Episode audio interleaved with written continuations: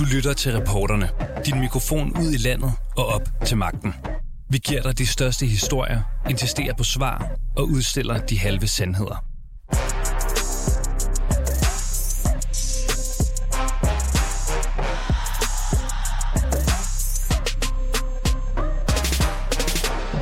Kornmarker, så langt øjet rækker, der svejer i vinden. Små grise, der ruller sig i mudder, og en ko, der hopper begejstret med udsigten til forår. En måske lidt Morten Korsk, Korsk beskrivelse af dansk landbrugssamfund, som det var engang. For virkeligheden er også, at der er fundet pesticider i vores grundvand over de tilladte niveauer. Virkeligheden er også, at øh, det danske landbrug står for en tredjedel af Danmarks CO2-udledning, og hvordan ser fremtiden ud for dansk landbrug? Og hvordan kan landbruget medvirke til at nå vores målsætning om en dansk CO2-reduktion? Til at debattere det, der har vi inviteret øh, dig, Franziska Rosenkilde. Du er politisk leder for Alternativet. Og øh, dig, Linnea Søgaard Liddell, medlem af Europaparlamentet og folketingskandidat for Venstre. Velkommen til. Tak for det. Tak for det. Og til jer, der lytter med, velkommen til reporterne. Mit navn det er Silas Buddy. Det første, jeg gerne vil høre jer om, det er, hvordan Danmark gør landbruget mere klimavenligt. Og det skal I selvfølgelig begge to have lov til at øh, svare på. Vi starter med dig, Linnea Søgaard Liddell. Vi skal gøre rigtig mange ting, tror jeg, for at gøre landbruget mere klimavenligt, og øh, vi er i hvert fald nødt til at... Øh, du, kan I høre mig? Jeg, jeg tror godt, vi kan høre dig. Ja, okay, no, sorry, du så bare helt... Øh, ja, ja, ja. ja. Men altså, landbruget står jo øh, for en virkelig stor del af vores øh, udledning øh, herhjemme, og også i hele øh, Europa. Og, øh, og derfor så er det jo en bunden opgave at finde ud af, hvordan vi øh, stiller nogle krav til øh, landbruget, øh, så øh, de bliver mere øh, klimavenligt. Altså noget af det, som, øh, som vi i hvert fald er i fuld gang med at gøre, som jeg har presset på for, det er, at vi øh, hæver øh, øh, ambitionsniveauet for, hvad landbruget skal reducere.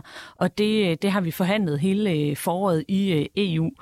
Øh, og der har det været vigtigt for os i, i Venstre, at, at vi ligesom skubber bolden opad, altså så vi sørger for, at det ikke kun er i Danmark, vi har nogle høje reduktionsmål for landbruget, men det har man også i de andre øh, europæiske lande. For vi ved jo bare, landbruget er, øh, og fødevarebranchen er jo enormt konkurrenceudsat. Så, så derfor så er det jo virkelig vigtigt, øh, øh, både for vores økonomi og også for, for, for omstilling, at, at vi får alle med på, øh, på vognen. Mm. Og Francesca? Ja, øh, jeg fik ikke helt, helt fat i, hvad I så ville gøre egentlig. Var det ikke, hvordan man skulle gøre det mere klimavenligt? Hvad vil I gøre i Venstre så?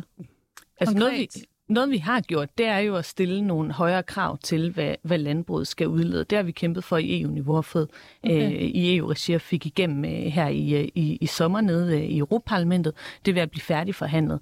Og der er det, som vi har gjort, det er jo at dels hæve ambitionsniveauet, og også sørge for, at landene ikke bare kan vente til 2028, 2029 med at levere de her reduktioner, for så er der jo en risiko for, at, at, at man ikke øh, kommer i gang i god nok tid, men at man ligesom skal levere løbende reduktioner på, for den her øh, sektor øh, frem mod øh, 2030.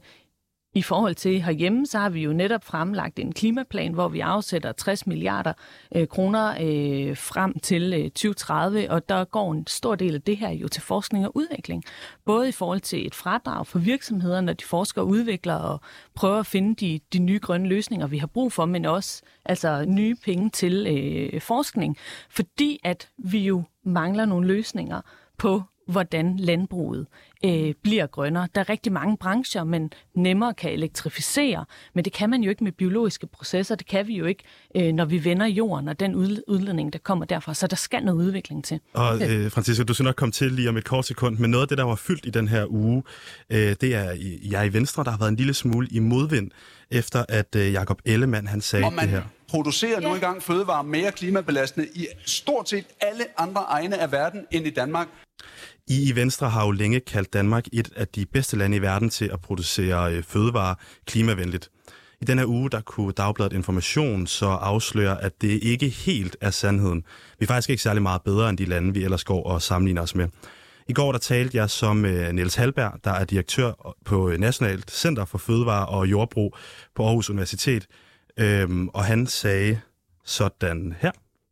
Altså, de studier, vi har kigget på, hvad vi har udgivet for ikke så længe siden en videnssyntese om livscyklusvurdering, som er den metode, man bruger til at opgøre øh, langs en hel produktionskæde, det man kalder vugge til grav, øh, blandt andet klimaeffekten af, af landbrugsprodukter.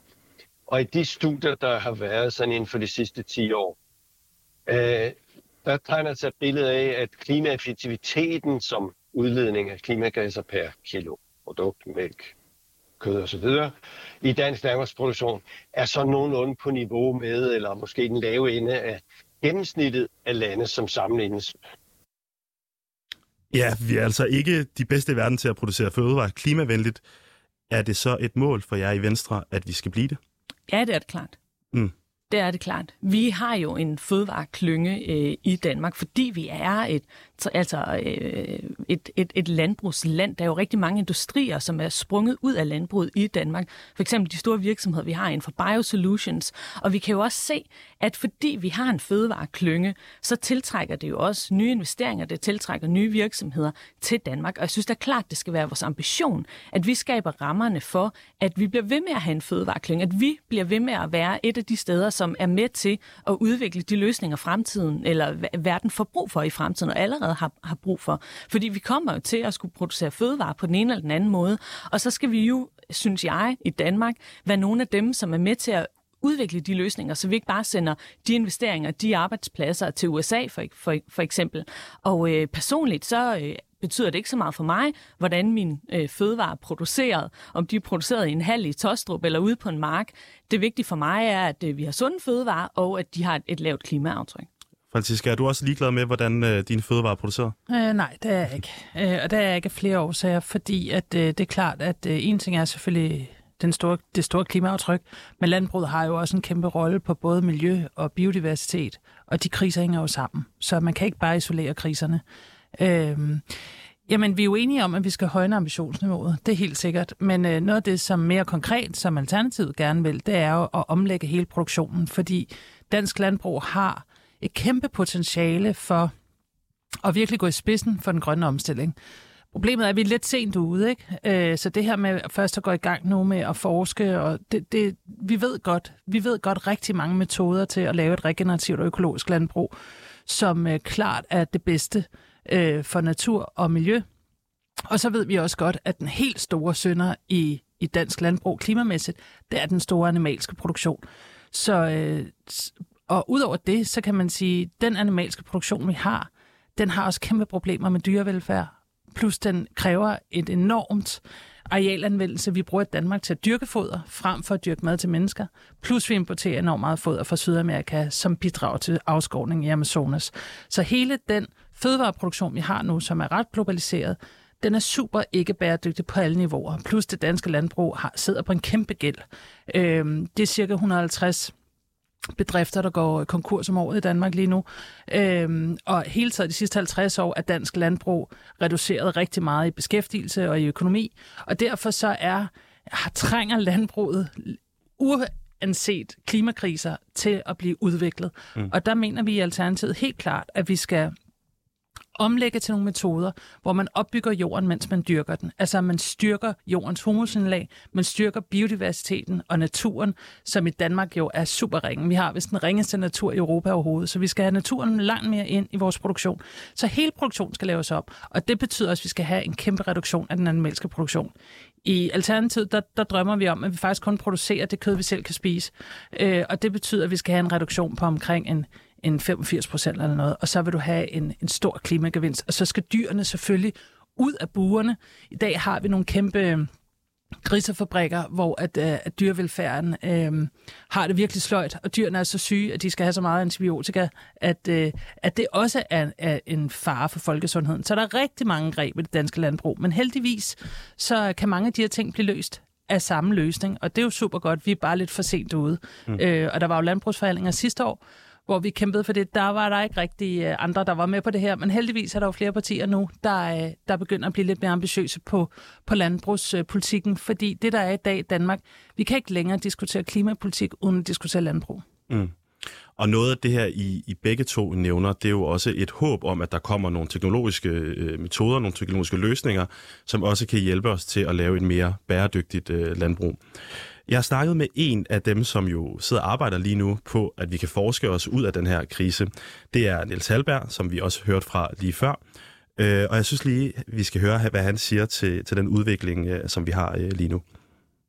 Den er, den er der slet ikke i det, i det omfang øh, til at leve op til de politiske målsætninger, hverken i 2030 eller 2050, hvor vi skal reducere meget betydeligt klimaudledningen fra, fra dansk landbrug. Ja, han siger, at teknologien den er her ikke helt endnu til at opnå de klimamål, som vi gerne vil, vil, vil opnå, og de, de klimamål, som jeg politikere I har, I har sat for landbruget sådan rent generelt. Mens jeg snakker med ham, så gav jeg ham også lige muligheden for at stille jer to et spørgsmål, når jeg nu lige havde fat i ham, og øh, det lød sådan her. Det der behov for er, at man begynder at tænke i, hvor skal de der krav så være til at få det her teknologi implementeret, og hvis ikke vi lykkes reelt, hvad er så plan B? Ja, hvad skal kravene være for at få teknologien implementeret? Og øh, hvis vi ikke gør det, hvordan har vi så en, en plan B for, hvis vi ikke når de her teknologiske, ud, øh, teknologiske løsninger, hedder det? Linnea, vil du starte? Når vi stiller krav om, at landbruget skal øh, øh, være mere klimavenlige, skal reducere deres udledninger, så tror jeg simpelthen, at der kommer så stor en efterspørgsel på de teknologiske løsninger. Altså hvis der er nogen, som finder den gyldne løsning til, hvordan vi reducerer øh, CO2-aftrykket eller, eller metanaftrykket, udledningen, for eksempel i animalsk produktion, så vil der være en kæmpe efterspørgsel på det, fordi at vi jo ikke kun herhjemme, men i, i altså verden over, øh, begynder at få et større og større pres for, at, at man skal øh, levere nogle øh, nogle øh, reduktioner, nogle mere klimavenlige produkter. Øh, så derfor så tror jeg simpelthen, der vil være så stor en efterspørgsel på eventuelle øh, teknologiske udviklinger, at, at, at det ikke er noget, vi behøver. Øh, altså, vi har allerede lagt det politiske pres for, at de øh, kommer øh, øh, i, i brug. Men lige nu, der har vi jo, altså vi har en målsætning i 2030. Mm. Det er om otte år. Ja. Er det realistisk, og, og hvis nu, at du ikke bare skal lægge din, din lid over til, at der er nogle kloge typer i Danmark, hvilket der virkelig er, men hvad er så plan B, hvis vi ikke finder frem til de løsninger, der skal til? Noget af det, vi kan gøre, det er jo også at øh, rejse noget mere skov og styrke optaget af, øh, af øh, drivhusgasser, øh, også øh, i øh, land, landbruget, så man på en eller anden måde øh, neutraliserer en lille smule. Men altså, jeg synes ikke, det er en særlig attraktiv øh, plan B. Altså, vi er nødt til at omstille. Vi er nødt til at finde en løsning, hvor vi skærer øh, i, øh, i øh, udledningerne. Mm. Og vi har travlt. Altså, det har vi jo. Ja. Francesca? Ja, altså FN siger jo, at vi har tre år til at knække den globale CO2-kurve, øh, så vi har rigtig travlt. Og det er også derfor, at teknologi det er super fint. Det er en del af den grønne omstilling, men vi kan slet ikke regne med det. Vi er nødt til at, at, at, at tage mange flere virkemidler i brug, som er direkte øhm, udlændingsreduktioner. Og landbrug, der er masser at tage fat i, der er, helt, øh, er lige til at gå i gang med. Man kunne starte i morgen, hvis man ville, med at stoppe med reduktioner øh, for landbruget. Så øh, jeg vil sige, plan A er helt klart at starte der, og så kan teknologien være plan B nede den anden vej, fordi vi har mange gange set, at de her teknologiske fifs, øh, som, som vi ikke har endnu, de lever ikke op til det seneste øh, med København som CO2-neutral hovedstad i 2025, fordi man satser det hele på, øh, på carbon capture. Og det, det er fint, at man bruger øh, teknologi, og man forsker selvfølgelig, skal det være en del af det, men vi er nødt til at gå meget mere konkret til værks for at reducere især i landbruget. Og det er fint, at du gerne vil rejse skov, men hvor? Danmark er det mest opdyrkede land i verden. Hvor skal den skov være? Øhm, og en anden ting er, det er fuldstændig rigtigt, hvad du siger, at den her udvikling er jo i gang i hele Europa, hvilket også siger, at hele det her lækageargument ryger totalt til jorden, fordi du kan ikke flytte din produktion til et andet land, hvor det er billigere og nemmere at svine, fordi det her det er en udvikling, der foregår i hele verden. Og derfor så skal Danmark selvfølgelig også... Øh, omstille sig og gå for os, fordi vi producerer 30 millioner svin om året. Det er den helt, helt forkerte vej at gå. Du får lige hurtigt lov at svare, og så skal vi videre til... Ja. Øh... Jamen, jeg vil bare sige, at altså, jeg synes jo også, at Danmark skal gå forrest. Øh, absolut, fordi dem, som går forrest, er også med til måske at øh, lave de løsninger, som resten af verden kommer til mm. at efterspørge. Men landbruget er konkurrenceudsat. Altså det er det jo, og når de krav, vi stiller til øh, klima på landbrug, der er der stor forskel på, hvad for nogle krav, der bliver stillet til et land som Danmark, og hvad for nogle krav, der bliver stillet til et land som Polen eller Bulgarien eller Italien. Bare for at sige det, fordi de krav, de bliver så målt ud fra øh, vores BNP. Øh, så, så selvfølgelig så er der en lækage øh, udfordring, øh, når vi har så konkurrenceudsat et erhverv. Linnea Søgaard Liddell, jeg var lige hurtigt inde på din hjemmeside, inden du kom øh, i studiet nu, og der øh, skriver du klima i fire ud af fire af de sætninger, du bruger til at beskrive dig selv som politiker. Francesca, er der plads i Alternativet til Linnea? Ja da, hvis det er, at, øh, at hun opgiver drømmen om at kunne vækstes ud af klimakrisen, fordi det er en lidt misforstået måde at tro, man kan løse klimakrisen på. Yes, hopper vi videre der. Et tema, som øh, ofte bliver berørt i den her debat, det er øh, spørgsmålet omkring vores miljø og hvordan landbruget det påvirker det. Økologiske landbrug de har en række strengere krav og benytter sig blandt andet af færre sprøjtemidler, end konventionelt landbrug gør. Franziska Rosenkilde, ifølge øh, Alternativets landbrugsudspil, så vil dansk fødevareproduktion, skal dansk fødevareproduktion være 100% økologisk mm. i 2040. Mm. Hvordan vil I bære jer ad med det? Jamen, øh, det er jo faktisk en målsætning, vi har haft helt tilbage til vores første landbrugsudspil tilbage i, i 2015, og i virkeligheden så er vi gået lidt øh, videre nu med at tale om det her regenerativ landbrug, som også indeholder økologi, men det indeholder også permakultur og biodynamik og mange andre metoder, som er med til den samme form for, for landbrug, som er langt mere klimavenligt. Og det betyder jo først og fremmest øh, en udfasning af, af pesticider og, og øh, alt, hvad der er af, af gift, som øh, ryger vores landbrug. Og så er det selvfølgelig også stof for hele den kultus, kul, kvælstofsudledning, der er fra landbruget nu, som kvæler øh, fiskeriet og de indre farvande. Øhm, er, og om, er det også, altså, jeg er nødt til også lige at blive lidt konkret i det, fordi det kan meget være nemt at være sådan lidt øh, københavner-elitær her, og Inger Støjberg sidder måske og river sig selv i, i håret. Fordi der er jo en hel masse landmænd, som har øh, lavet konventionelt landbrug i mange år. De er måske en familiegård, de har mm. øh, arvet. Hvordan vil du konkret rykke dem fra at lave konventionelt til at lave øh, regenerativt eller mm. økologisk landbrug? Vi vil lave en, en fond, der simpelthen øh, finansierer og hjælper med at omstille. For jeg synes faktisk, øh, noget af det største politiske svigt, der har været øh, i de sidste par år, og især i forhold til landbrugsforhandlingerne, det er, at man ikke har lavet en, en plan for erhvervet. Man har ikke lavet en plan for landmændene. Man har ikke vist en vej, hvor man siger, det her, det er sådan, her, vi omstiller, tager dem med ind på råd og siger, vi laver en fond her, hvor der er vi, øh, når de her landbrug går, går konkurs, så opkøber staten det og udlægger det til økologi og er med til at efteruddanne landmændene til økologer eller på andre måder jordbrugere, der ikke bruger øh, pesticider, få en økologisk bekendtgørelse til, til landmandsskolen, jordbrugsskolen, sådan, så man faktisk kan uddanne sig. Øhm, der er mange ting, men det kræver, at den finansiering, der er, den landbrugsstøtte, der er, at den bliver omlagt til øh, at støtte langt mere plantebaseret landbrug end i dag, hvor den bliver rigtig meget hektar støttet, rigtig meget svinebønder, der bliver, der bliver støttet. Så der er mange greb at gøre. Det er kun et spørgsmål om politisk vilje. Mm. Og i, i jeres landbrugsudspil, der, øh, der står der øh, samlet set nævnt, nævnt økologi 59 gange. Mm. I Blå Bloks samlede landbrugsudspil, der bliver det nævnt fire gange. Vil I gerne have flere økologiske landmænd?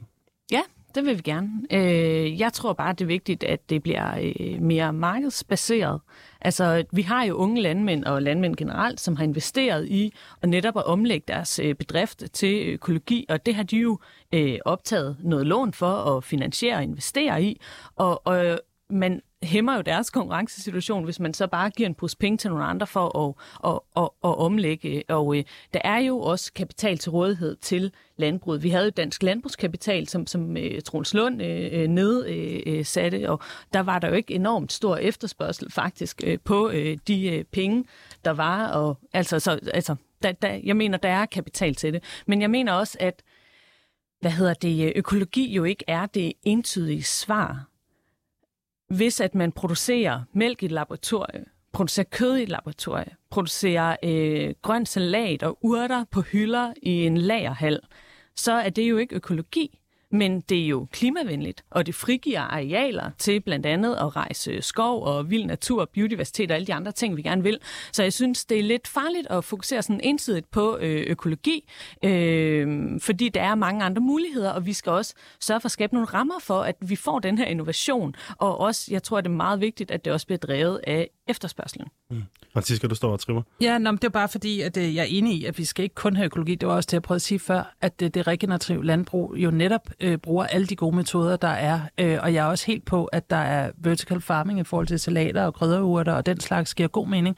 Der bruger man heller ikke pesticider eller noget. Så der er masser af, af muligheder. Øh, det her med, at det skal være markedsstyret, øh, altså det er jo virkelig at lægge ansvaret over på forbrugeren. Og jeg mener, at altså, klimakrisen er en strukturel krise, og når det er en strukturel krise, så er det politisk ansvar at finde løsningerne.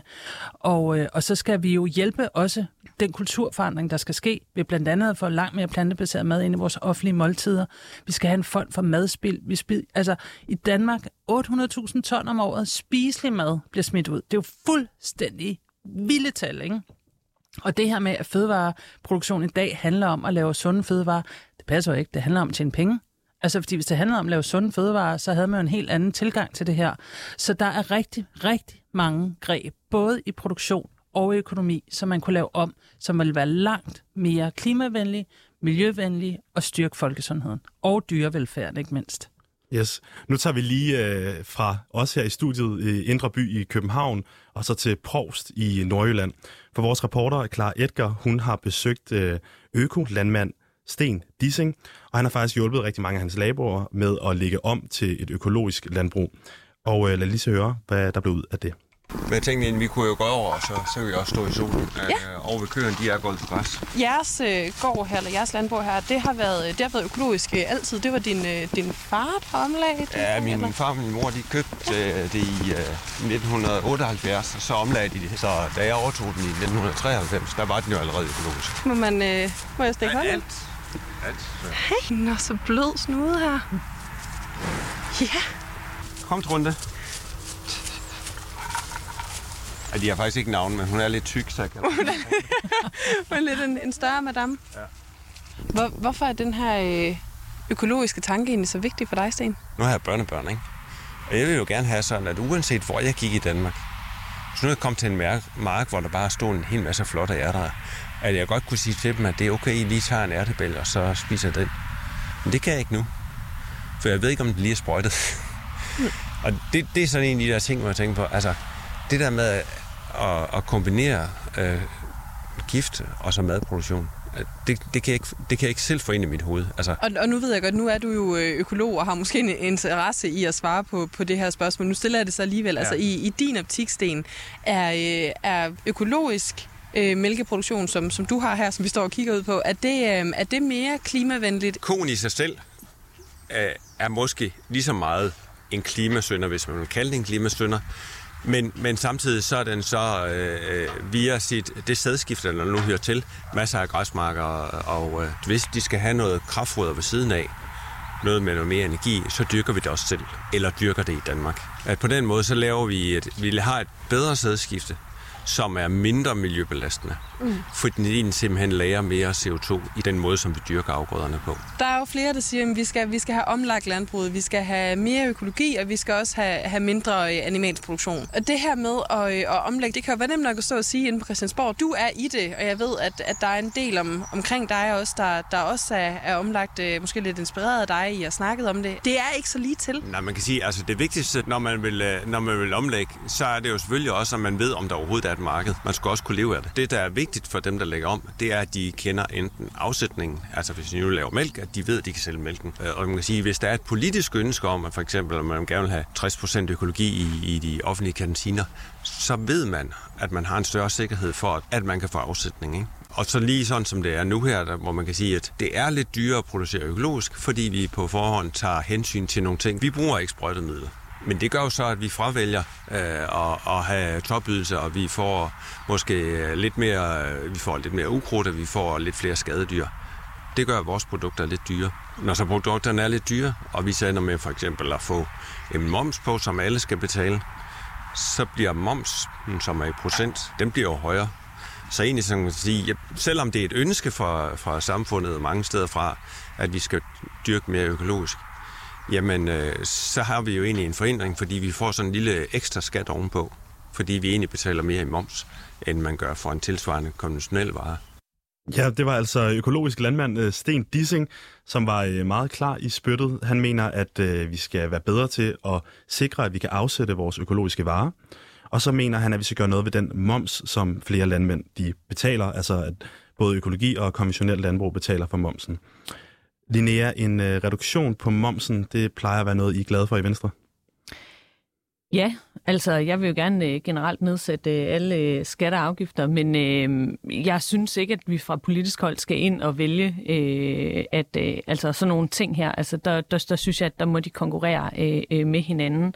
Jeg er helt enig i, at vi burde bruge den offentlige indkøbsmuskel meget bedre. Ikke kun i forhold til fødevare, men altså stille nogle hårde eller nogle flere grønne krav, øh, når det offentlige er ude at bruge penge. Fordi man har jo netop brug for, at der er nogen, som løber markedet i gang. Nu er markedet jo også i gang på økologi, ikke? men altså der ligesom er en sikkerhed i forhold til at, at at kunne afsætte sin, sin varer. Det gælder ikke kun fødevarer, det gælder rigtig, rigtig mange produkter. Nu nævner du lige øh, altså konkurrencedygtig på det her med momsen, og, og det han jo netop mm. øh, argumenterer for, det er, at det er jo lidt dyrere for ham at producere hans økologiske fødevarer, fordi at han for eksempel ikke vil putte sprøjtegift i vores grundvand.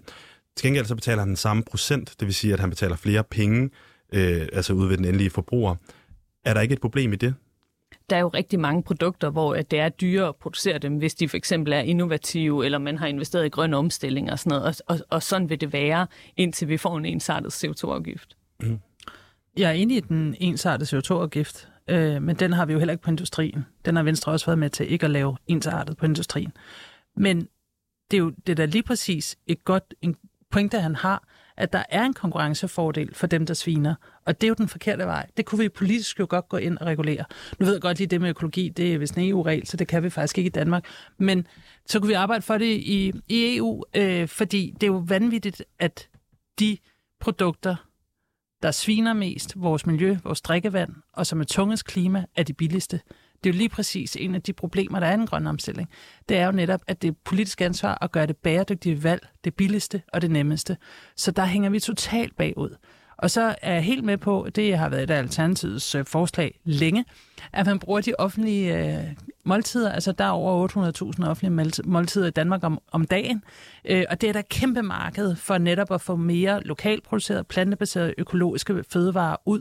Øh, plus både børn, unge, medarbejdere, ældre også vil få sundere mad. Så der er, som sagt, masser, vi kunne gøre i morgen, hvis der var politisk flertal for det. Mm. Franciska Rosenkilde, Francisca, undskyld, jeg bliver ved med at udtale det forkert. Francisca Rosenkilde, hvad er egentlig det bedste ved dansk landbrug lige nu? Lige nu? Ja, hvad, som det er lige nu, hvad, hvad synes du er fedt ved det danske landbrug? Jeg synes, det der er det fedeste ved dansk landbrug lige nu, det er, at der faktisk er rigtig mange gårde, på eget idealistiske, innovative øh, bud er gået i gang med at omlægge. Bare på Sjælland er der flere regenerative gårde, som jeg ved at besøge, hvor man faktisk kan se, hvordan de kan gøre det her med både at have en stor planteproduktion, have et par enkelte dyr, der går med i hele den økologiske proces, der ikke bruger et gram sprøjtegift, og som hele tiden beriger jorden, så man kan måle, at deres humuslag bliver bedre og bedre, som faktisk har taget hele den regenerative tanke til sig og gået forrest i den udvikling. Og det er super fedt at se, og dem kunne jeg rigtig godt tænke mig at styrke, så vi kunne få det op på større skala. Linnea Søgaard Liddell, medlem af Europaparlamentet og folketingsmedlem folketingsmedlem fra Venstre, og Francisca, Francisca Rosenkilde, politisk leder fra Alternativet. Tusind tak, fordi I begge to vil være med i rapporterne. Velkommen. Tak.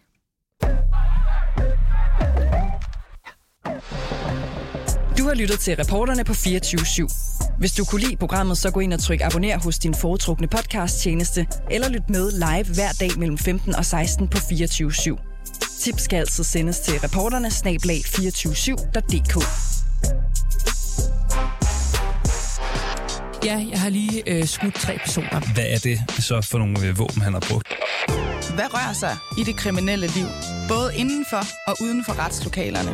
Han forsøgte at slå mig ihjel, og jeg blev knivstukket og smidt ud for altanen. Altså, jeg tog stoffer. Vandrygtet og voldtaget. Københavns Vestegns politi, de efterlyser vidner. Nej, nej, nej, nej, nej, nej, nej, nej. I må ikke gå ud. Det er meget alvorligt, det her. Bliv, hvor jeg er, indtil politiet kommer og henter jer. Og hun havde sådan der en lille fling ved læben og havde fået et, øh, et lille blåt øje og sat til, hvad fanden er der sket? Vi kommer selvfølgelig til at forholde noget af det her information til politiet. Når vi kigger ned mod dukken, der kan vi så se, at der er kommet ild i dukken. Der er kommet en afgørelse i dag fra højesteret. Så tager han geværet frem og låter, øh, og det gør han også foran mig, mens jeg står og filmer. Det er der, hvor han begynder at, at snakke til mig. Og hvad siger han til dig? Slå mig nu ihjel. De største sager, de vildeste fortællinger. Lyt til Døgnrapporten alle hverdage fra 7.30 til 8 her på 24.7 eller der, hvor du henter dine podcasts. Mit navn er Ali Ali, og du lytter til Alis Fæderland. Det er ikke nemt at deltage i den offentlige debat. Det er det overhovedet ikke. Og så er det ligegyldigt, om man er muslim, øh, jøde, eller kvinde, eller mand. Jeg er jo nogle gange blevet kaldt racist, fordi jeg synes, at kønsopdelt svømning måske er lidt mærkeligt i et land, hvor liberale demokratiske værdier og ligestilling sættes meget højt oppe. Jeg prøver at være lidt